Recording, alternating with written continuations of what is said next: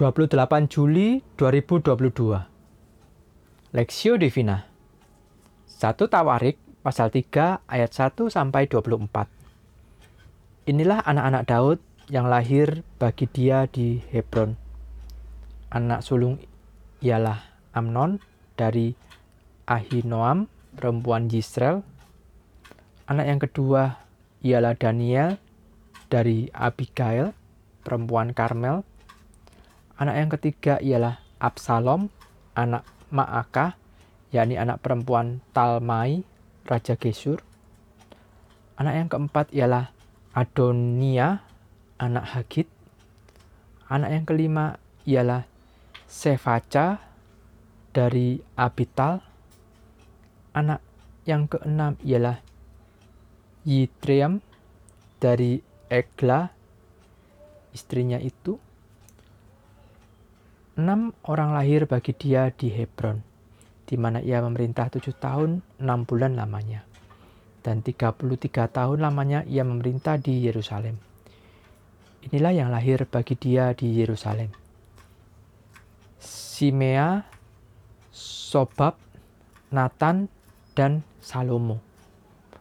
Empat orang dari Batsu, Batsuwa binti Amiel Lalu Yibhar, Elisama, Elifetel, Elifelet, Noga, Nefek, Yavia, Elisama, El Elyada, dan Elifelet.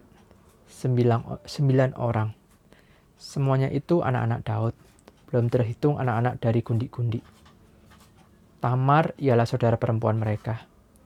Keturunan Salomo ialah Rehabeam, anak orang ini ialah Abia, anak orang ini ialah Asa, anak orang ini ialah Yosafat, anak orang ini ialah Yoram, anak orang ini ialah Ahasia, anak orang ini ialah Yoas, anak orang ini ialah Amasya, anak orang ini ialah Asarya, anak orang ini ialah Yotam, anak orang ini ialah Ahas, anak orang ini ialah Hiskia, anak orang ini ialah Manasye, anak orang ini ialah Amon, anak orang ini ialah Yosia, anak orang ini Anak-anak Yosia, anak sulung ialah Yohanan, anak yang kedua ialah Yoyakim,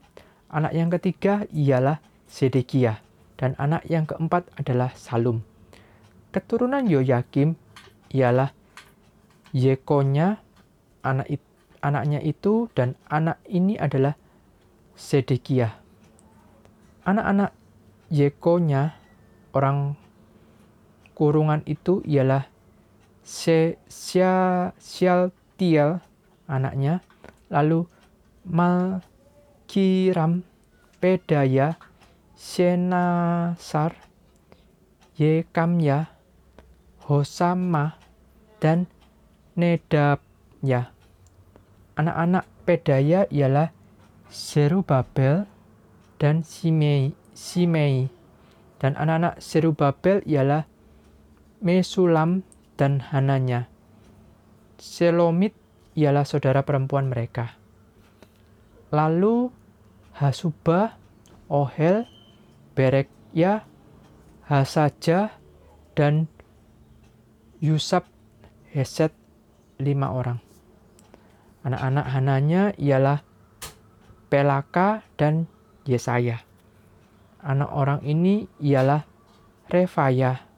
Anak orang ini ialah Arnan.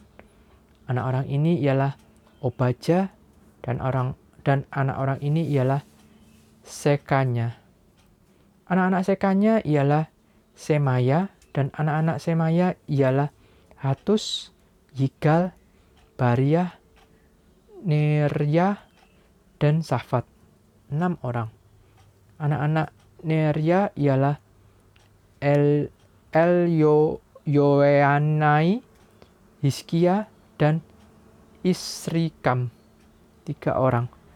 Anak-anak Elyoenai ialah Hodavia, Eliasib, Pelaya, Akub, Yohanan, Delaya, dan Anani. Tujuh orang. Keturunan Daud, perspektif. Inilah anak-anak Daud yang lahir bagi dia. 1 Tawarik 3 ayat 1. Dalam bacaan kita hari ini, kita membaca penulis Tawarik membagi keturunan Daud dalam tiga bagian. Pertama, ayat 1 sampai 9 mencatat mengenai anak-anak Daud. Kedua, ayat 10 sampai 16 mencatat tentang para penerus tahta Daud sebelum masa pembuangan. Ketiga, ayat 17 sampai 24 mencatat tentang sisa keluarga Daud semasa dan sesudah penawanan. Melalui silsilah tersebut, kita melihat bahwa Allah memilih orang-orang dari generasi ke generasi, mulai dari Daud sampai kehancuran kerajaan Daud ketika dibuang ke Babel. Nama-nama keturunan Daud ter terus ditulis dengan pimpinan Roh Kudus oleh penulis Tawarik.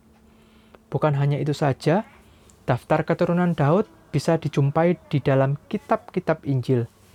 Apabila kita baca kitab Injil Matius dan Lukas, silsilah Daud ini terus dicatat hingga Yusuf dan Maria, sampai Yesus datang ke dunia. Matius pasal 1 ayat 1 sampai 17, Lukas pasal 3 ayat 23 sampai 38. Pemilihan Allah atas Daud dan keturunannya sebagai raja-raja Israel – sesungguhnya tidak lepas dari perjanjian Allah kepada Daud. Allah sudah berjanji bahwa dari keturunan Daudlah akan datang raja pilihannya yang lebih baik dan sempurna dari semua manusia, yaitu Mesias yang akan memerintah umatnya. 2 Samuel pasal 7 ayat 12 sampai 17. Meskipun Daud telah mati, janji Allah kepada Daud tetap dan pasti dikenapi. Namun, ketika dia melihat bahwa daftar nama keturunan Daud, ketika kita melihat daftar nama keturunan Daud, maka banyak di antara mereka yang hidup tidak setia kepada Tuhan. Meski demikian, Allah tidak pernah mengingkari janjinya. Allah yang setia itu menggenapi perjanjiannya terhadap Daud. Melalui bacaan hari ini, kita belajar bahwa Silsilah keturunan Daud ini menunjukkan kesetiaan Allah kepada perjanjiannya.